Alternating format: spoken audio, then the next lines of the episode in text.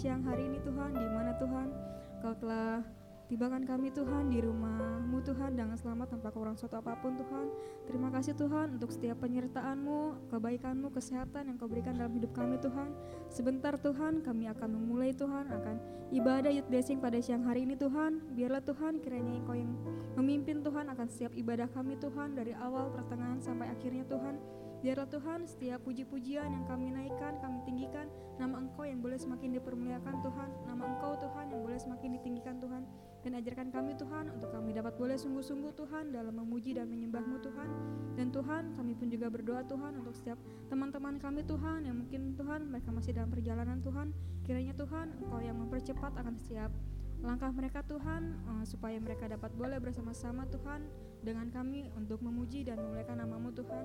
Terpujilah Engkau Tuhan, terima kasih Tuhan, dan kami menyerahkan Tuhan akan ibadah kami Tuhan pada siang hari ini Tuhan, semuanya ke dalam tanganmu Tuhan Yesus. Terpujilah Engkau Tuhan, kami sudah berdoa dan mengucap syukur. Haleluya. Amin. Amin. Shalom teman-teman. Shalom. Kurang semangat shalom teman-teman. Shalom. Shalom. Apa kabar hari ini? Luar biasa. Luar biasa. Teman-teman udah siap untuk muji dan muliakan nama Tuhan? Amin. Amin. Amin. Ayo kita mau angkat pujian kasih Allah tak berkesudahan.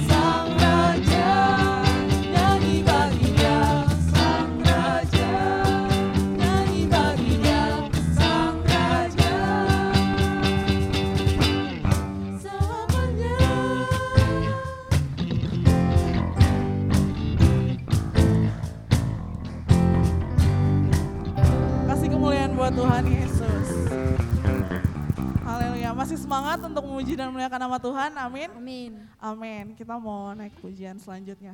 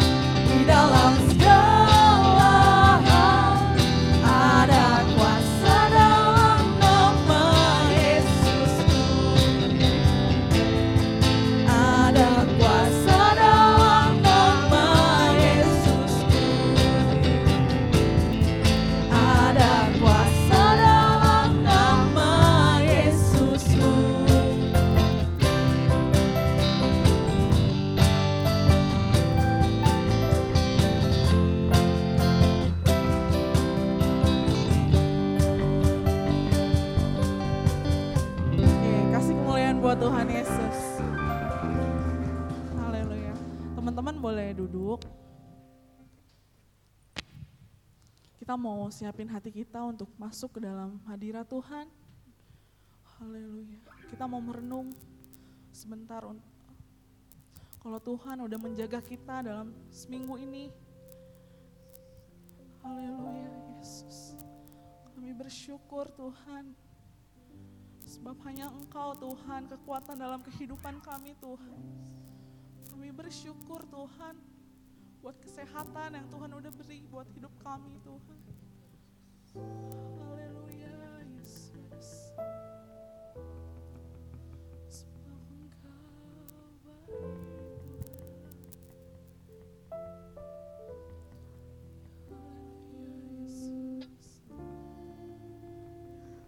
mau terus tetap menyembah Engkau Tuhan. Haleluya Yesus.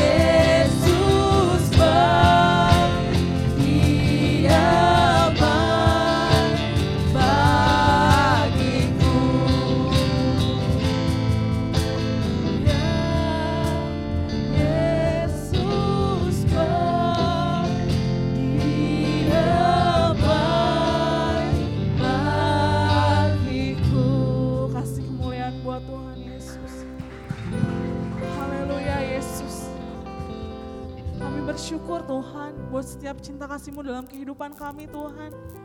Kami bersyukur Tuhan, Kau sungguh baik dalam kehidupan kami Tuhan. Kami serahkan Tuhan buat setiap acara kami Tuhan.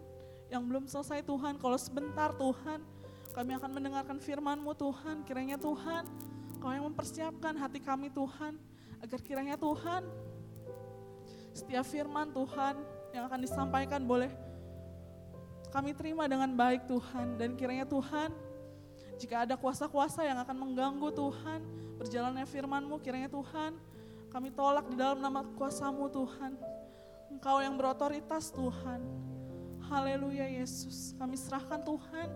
Doa kami hanya ke dalam pimpinan kuasamu Tuhan. Haleluya Haleluya. Amin. Teman-teman boleh duduk. Saya persilahkan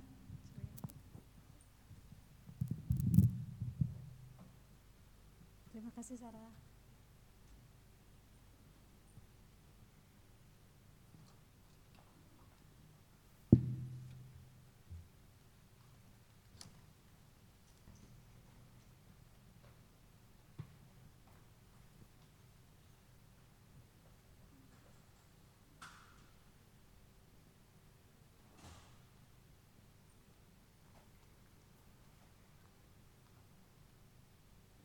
Shalom anak muda.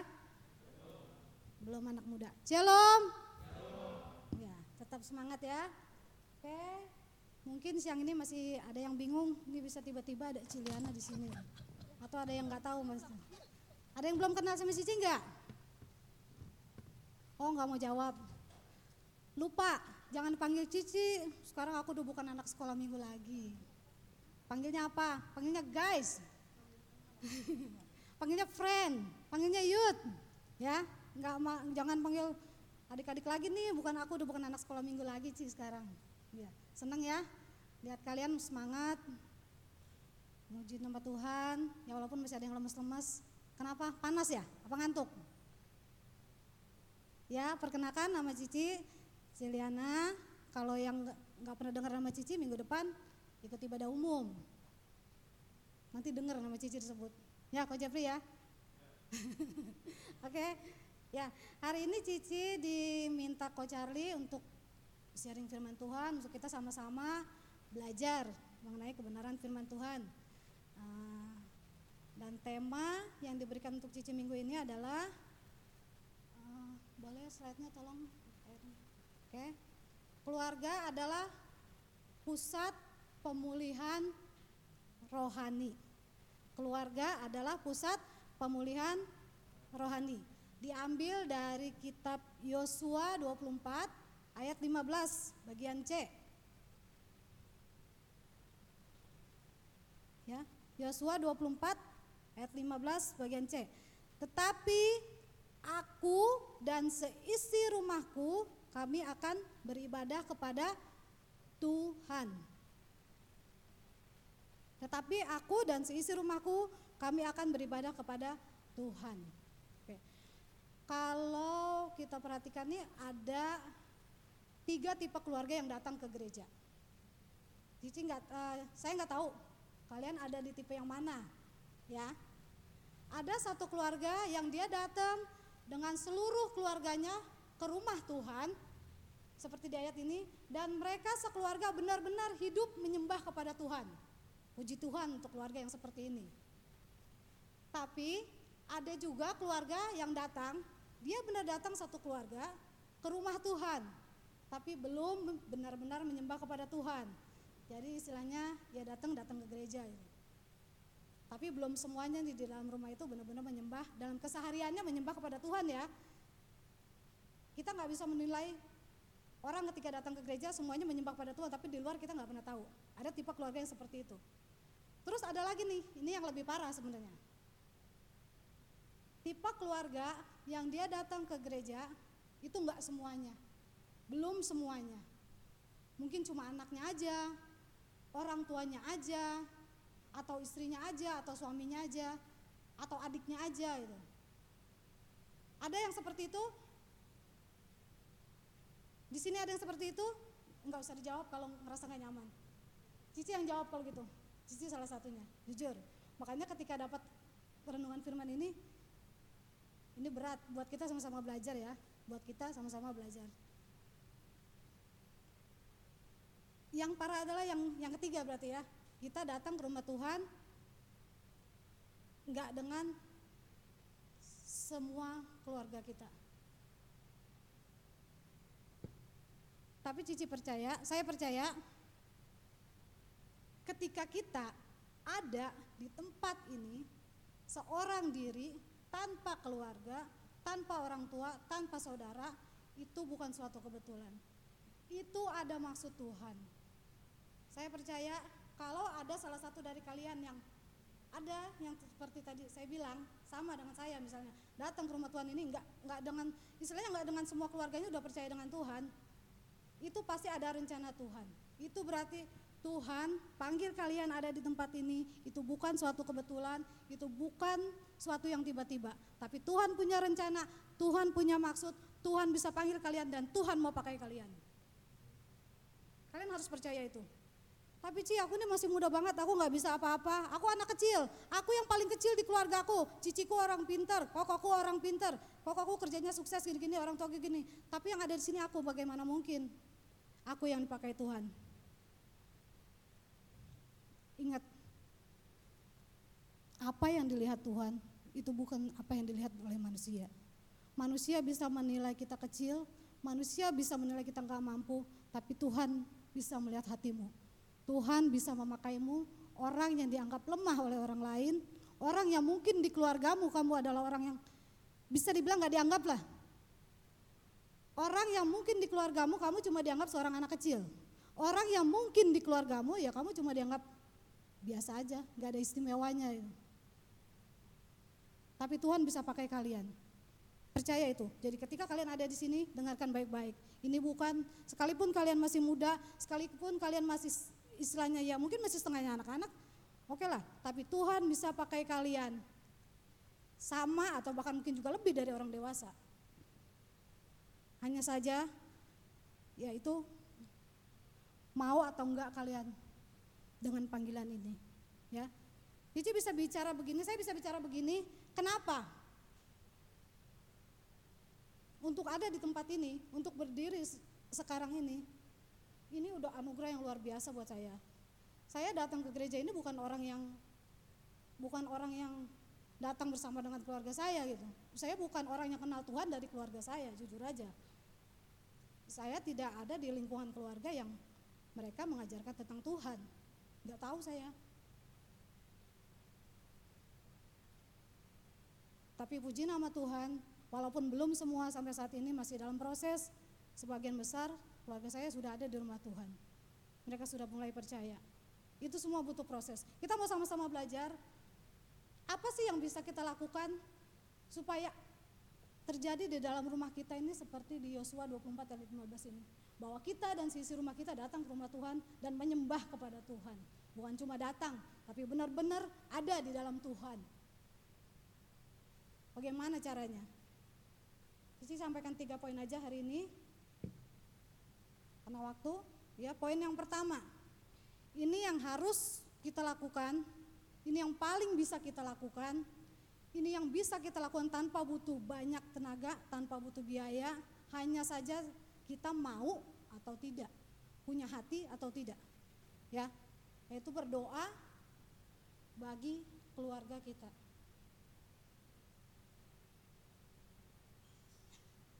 Berdoalah bagi keluargamu. Kita ingat di Matius 21 ayat 22, dan apa saja yang kamu minta dalam doa dengan penuh kepercayaan, kamu akan menerimanya. Apa saja yang kamu minta, kamu akan menerimanya.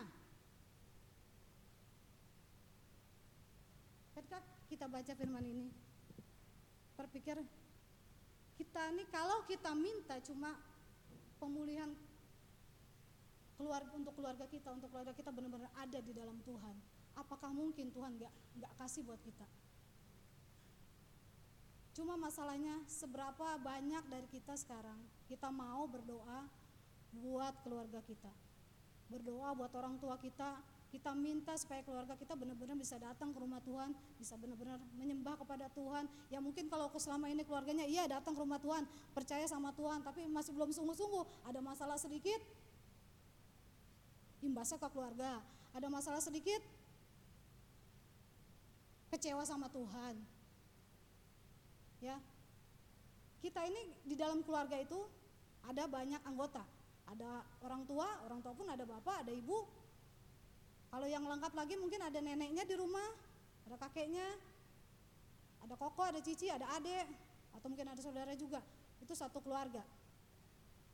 Ya, kalau kita mau keluarga kita ini benar-benar ada di dalam Tuhan, mengalami pemulihan dari Tuhan. Ketika kita rindu supaya keluarga kita ini benar-benar dipulihkan lah gitu ya. Kita harus mau doakan. Ini satu hal yang simple, Berdoa itu paling simpel. Bahkan mungkin orang bosen dengernya. Semua orang udah tahu, berdoa ya berdoa, berdoa, berdoa. Ya. Tetapi ini benar-benar kita lakuin nggak? Benar-benar kita doakan nggak keluarga kita itu? Buat kita yang tinggal di rumah yang belum semuanya percaya, kita doain nggak keluarga kita? Benar-benar nggak kita doakan? Kalau kalian rindu benar-benar keluarga kalian ada di dalam Tuhan, teruslah doakan. Terus doakan. Ya. Itu yang paling penting. Ada di Mazmur 33 ayat 15 dikatakan dia yang membentuk hati mereka sekalian, ya. Jadi kita kita sebagai anak Tuhan, ketika kita mau keluarga kita menjadi percaya, kita hanya bisa melakukan apa yang bisa kita lakukan. Tapi mengenai hati yang bisa melembutkan hati manusia, yang bisa mengubahkan hati manusia, itu ya roh, ya Tuhan. Roh Kudus, roh Allah yang bisa mengubahkan. Kita hanya bisa mendoakan. Itu yang pertama yang harus yang bisa kita lakukan. Yang kedua, poin kedua yang harus kita lakukan setelah kita mendoakan keluarga kita adalah jadilah terang dan garam di dalam keluargamu. Orang Kristen punya ayat mas di Matius 15, 5 ayat 13 14. Kamu adalah garam dunia. Jika garam itu menjadi tawar, dengan apakah ia diasinkan? Tidak ada lagi gunanya selain dibuang dan diinjak orang. Kamu adalah terang dunia, kota yang terletak di atas gunung, tidak mungkin tersembunyi. Ayat mas buat kita, anak Tuhan adalah, kamu adalah terang dan garam dunia. Semua tahu kan? Ini dari sekolah minggu udah tahu nih, kita ini terang dan garam. Oke, sekarang bicaranya biar gampang aja. Orang kalau mau tahu gak, tak ada terang itu di apa sih? Caranya gimana mau tahu ada terang? Kalau kita mau tahu di mana ada terang, kita caranya harus bagaimana? Meli, melihat. Kita tahu di mana terang karena kita melihat kan? Benar gak? Orang yang nggak bisa melihat dia nggak akan tahu di mana ada terang. Untuk tahu adanya terang kita harus melihat. Untuk tahu adanya garam, untuk tahu nih ngerasain sayur ini ada garam atau enggak, harus dira, dirasakan. Bener nggak? Kalau ada satu, ada dua mangkok kuah, tiga mangkok kuah lah. Satu dikasih garam, satu enggak, satu enggak suruh pilih mana pegang. Tentu kita harus rasain dulu dong, baru kita tahu di mana ada garam. Bener gak? Orang bisa tahu ada terang itu kalau dia melihat. Orang bisa tahu kalau ada garam itu kalau dia merasakan. Kamu harus jadi terang dan garam di dalam rumahmu. Itu berarti apa? Buahmu sebagai anak Tuhan, bisakah orang di rumahmu melihatnya? Bisakah orang di rumahmu merasakannya? Kita memang harus jadi terang dan garam di dalam dunia. Tapi sebelum ke dunia yang jauh-jauh, dunia yang kecil dulu, di dalam ru rumah.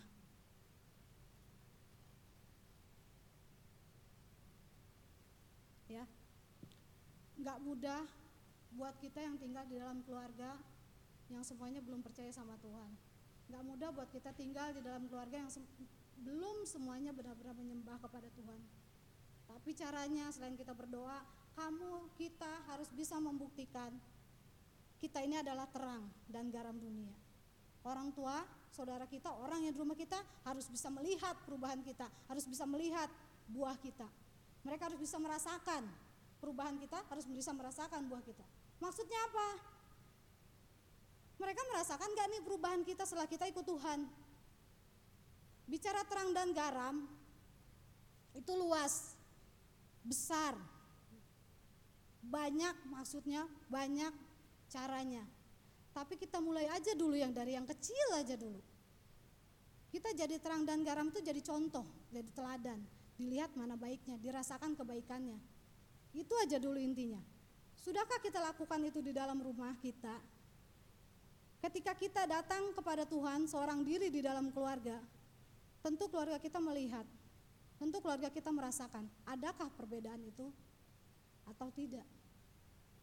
Ya, kita berdoa kepada Tuhan minta untuk keluarga kita dipulihkan. Kita berdoa kepada Tuhan minta supaya keluarga kita datang benar-benar ke rumah Tuhan. Tetapi kita sebagai anak Tuhan, kita tidak menjadi terang dan garam di rumah kita sendiri. Itu bagaimana? Maaf ya, sebagai contoh begini contoh, ini mudah-mudahan nggak akan ada di sini ya. Kita anak muda udah sering ke gereja, udah sering ini. Orang tua kita mungkin nggak ke gereja, nggak tahu di gereja kita ngapain lah, masa bodoh. Yang penting kan dia nggak berbuat salah, biarin aja mau ke gereja gitu ya. Tapi ketika ada di rumah, ketika kita marah, kita masih bisa banting pintu. Ketika kita di rumah, kita masih bisa ngambek seharian cuma gara-gara nggak dibeliin kuota. Ketika kita di rumah, orang tuanya kecapean, mamanya marah-marah, bukannya minta maaf dan dibantu, tutup pintu kamar setelah musik kenceng-kenceng.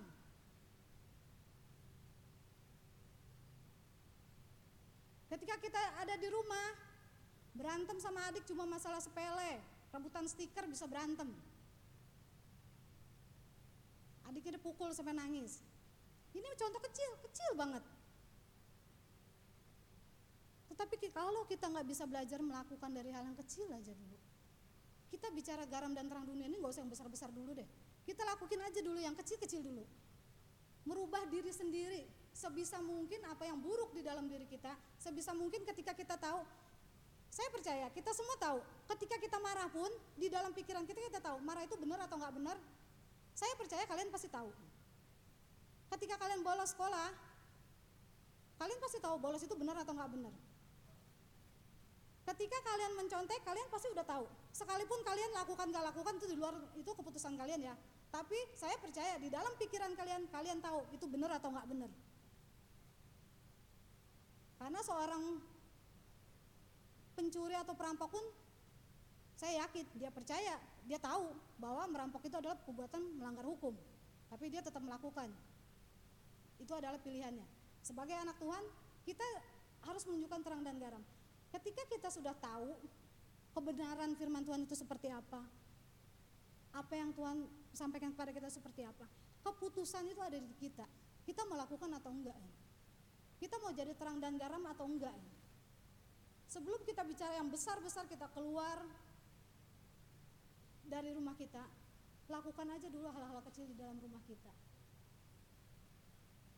Karena buat orang yang gak percaya, ketika mereka melihat, ketika mereka menerima, mungkin kita ajak panggilan untuk mengenal Tuhan, tentu mereka melihat dari apa yang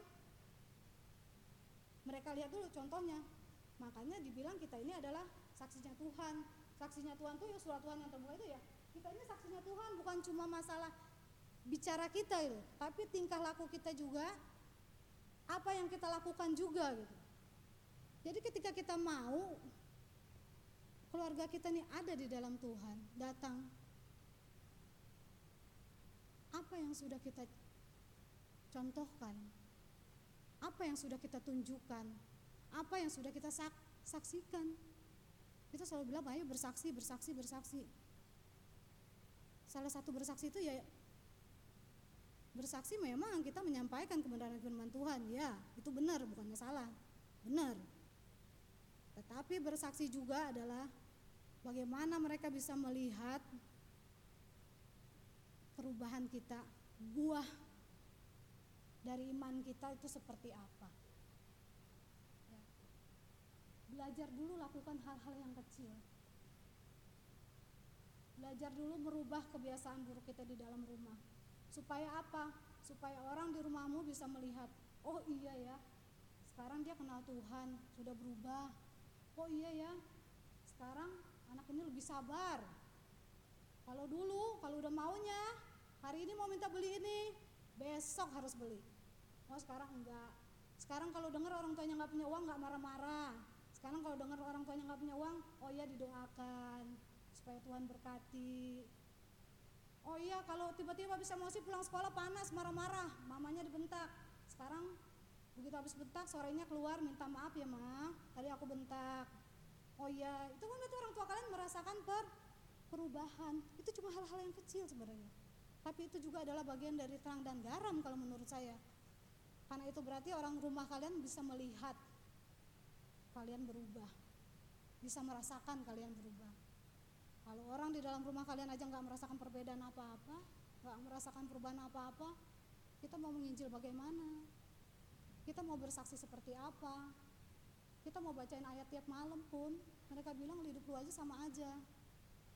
Ci, tapi aku bukan malaikat, nggak bisa mungkin berubah 100%. Ya memang, jangan kan kalian, saya juga sama. Masih punya marah juga, masih punya ini juga. Tetapi setidaknya kita memperbaiki lebih lebih baik lebih baik, berusaha untuk menjadi lebih lebih baik. Ya, saya selalu sampaikan kalau saya bicara tentang terang dan garam, ayo kita lakukan dari hal yang kecil aja dulu. Dari teman-teman dekat kita, dari keluarga kita, ayo kita lakukan dulu.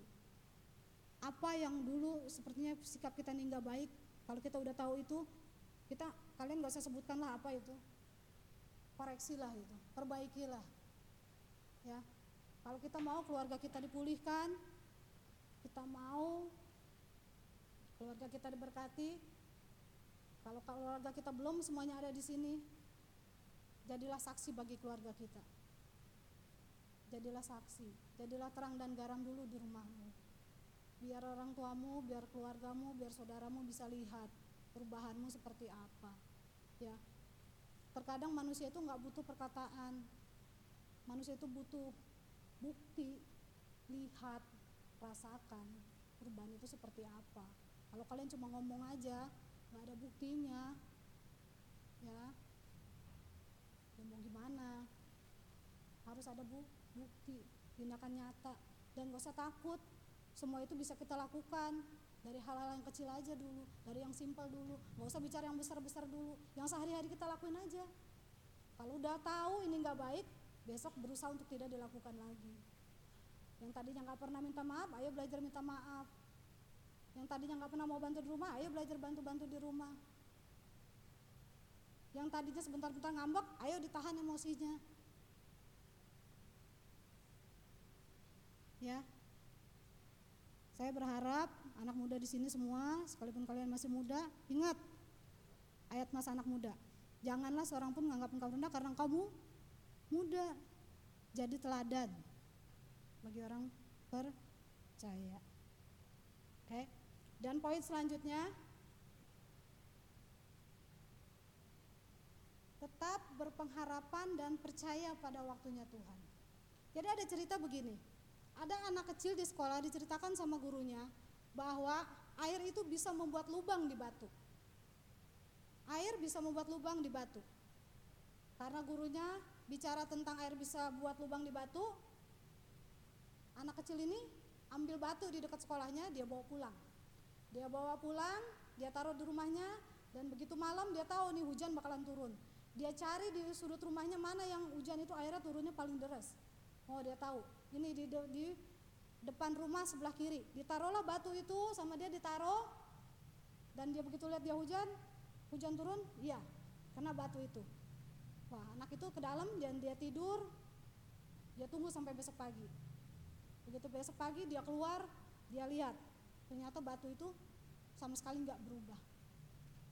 Dia nggak percaya lagi. Dia nggak percaya sama apa kata gurunya karena gurunya bilang air kan bisa buat lubang di batu tapi kok ini nggak nggak berubah apa apa gitu nah anak kecil ini lupa anak kecil ini nggak ngerti ada anak kecil ini satu yang nggak dia nggak dengarkan lubang dari air untuk di batu itu Itu akan terjadi tapi butuh wak waktu. Butuh waktu. Sama dengan pemulihan keluarga kita.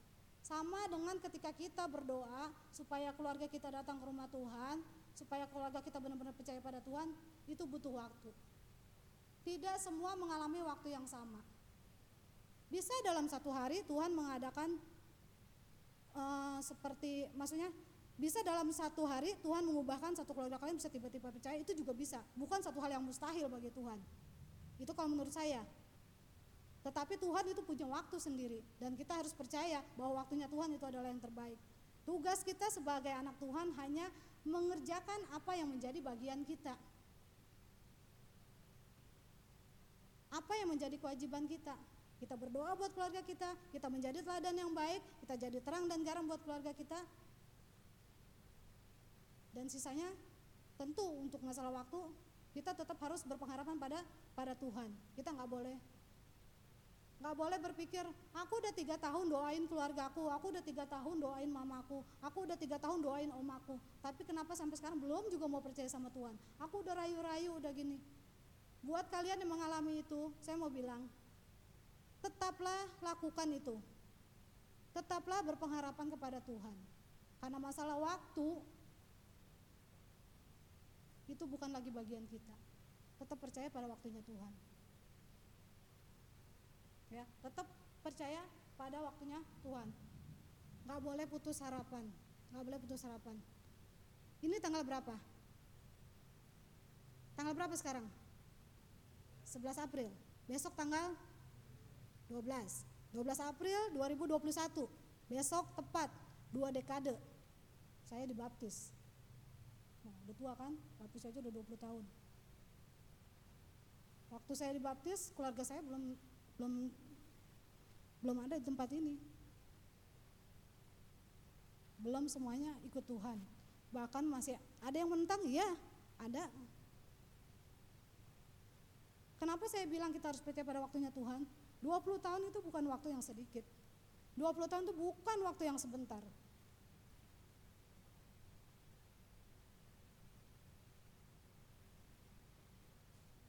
Saya tahu persis bagaimana rasanya buat kalian yang jadi anak muda di tempat ini, yang kalian beribadah di gereja ini, orang tua kalian tapi belum percaya pada Tuhan. Saya tahu persis bagaimana rasanya. Bagaimana rindunya kita, bagaimana irinya kita lihat orang lain datang satu keluarga, saya tahu persis. Makanya saya berani mengatakan ini. Ayo lakukan. Supaya keluarga kita dipulihkan. Kita tetap punya harapan keluarga kita dipulihkan. Kita tetap punya harapan keluarga kita diselamatkan. Saya bisa mengatakan ini. Sampai sekarang saya masih terus berusaha juga. Karena memang belum 100% di keluarga saya ikut Tuhan. Tapi seenggaknya sebagian besar itu udah percaya sama Tuhan ya. Sampai sekarang saya nggak mau putus harapan. Orang bilang kamu udah segitu lama hitungannya udah puluhan tahun. Masih berusaha. Apa yang belum saya lakukan? Saya terus mengevaluasi. Walaupun secara manusia ya kecewa ya kadang-kadang kok susah banget ya mau diminta ini aja gitu tapi saya tetap percaya saya tetap berpengharapan saya tetap percaya suatu saat keluarga saya juga dipulihkan Suatu saat keluarga saya benar-benar datang semua kepada Tuhan, menyembah hanya kepada Tuhan. Saya tetap berpengharapan itu. Saya nggak mau putus asa. Ya, jadi buat kalian anak muda tempat ini yang kalau kalian merasa saya sudah doakan orang tua saya, saya sudah doakan keluarga saya, kenapa mereka masih belum juga hidup sungguh-sungguh di dalam Tuhan? Kenapa mereka masih juga belum mau percaya sama Tuhan? Jangan putus asa. Terus doakan, terus lakukan kesaksianmu, terus berikan teladan yang baik, teruslah jadi saksi Tuhan di dalam keluargamu supaya keluargamu dipulihkan, keluargamu bisa datang semua ke dalam rumah Tuhan, menyembah hanya kepada Tuhan. Karena percayalah ketika kita jadi anak Tuhan, sekalipun kita mengalami pemulihan rohani di dalam rumah Tuhan ini, tetapi belum semua seisi rumah kita mengalami pemulihan itu, tetap ada yang kurang. Tetap ada yang kurang. Karena kita mengasihi keluarga kita, kita mau juga keluarga kita dipulihkan. Ya. Satu pesan saya, tetaplah berpengharapan pada Tuhan. Tuhan punya waktunya sendiri, waktu yang terbaik. Kita sebagai manusia kita nggak akan pernah tahu seperti apa rancangan Tuhan. Tapi satu hal yang Tuhan bilang, apa pun yang kamu minta pasti diberikan. Apalagi yang kita minta ini hanya yaitu keluarga kita untuk kemuliaan Tuhan. Teruslah doakan itu, teruslah bersaksi bagi hal itu. Jangan putus asa, terus lakukan.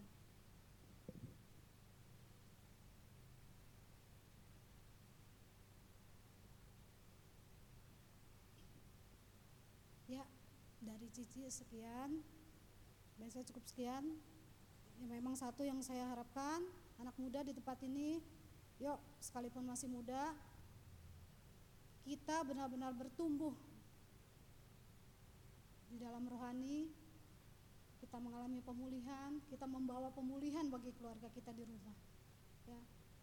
Kalau tidak ada orang tuamu membawa pemulihan di keluargamu, kamulah yang bawa pemulihan itu. Apakah mungkin bisa? Bisa. Tuhan bisa pakai siapa pun. Tuhan bisa pakai siapa pun. Bahkan yang terkecil di dalam keluargamu bisa dipakai. Percaya itu. Ketika ada suara yang mengatakan kamu bukan siapa-siapa, kamu nggak akan bisa, kamu nggak akan sanggup, keluargamu nggak akan bisa pernah bisa berubah. Jangan dengarkan itu. Jangan pernah dengarkan suara itu. Tapi dengar dan percaya. Kamu bisa. Kamu bisa membawa pemulihan bagi keluargamu. Ketika ada kerinduan di hatimu, kamu pasti bisa. Jadi kesimpulannya adalah keluarga adalah bagian terdekat dalam hidupmu. Pemulihan keluargamu adalah bagian terbesar dari pemulihan rohanimu. Pemulihan rohani kita nggak akan sempurna sebelum keluarga kita juga ikut benar-benar dipulihkan. Sekian dari saya. Saya undang semua untuk bangkit berdiri, kita berdoa buat kebenaran firman Tuhan.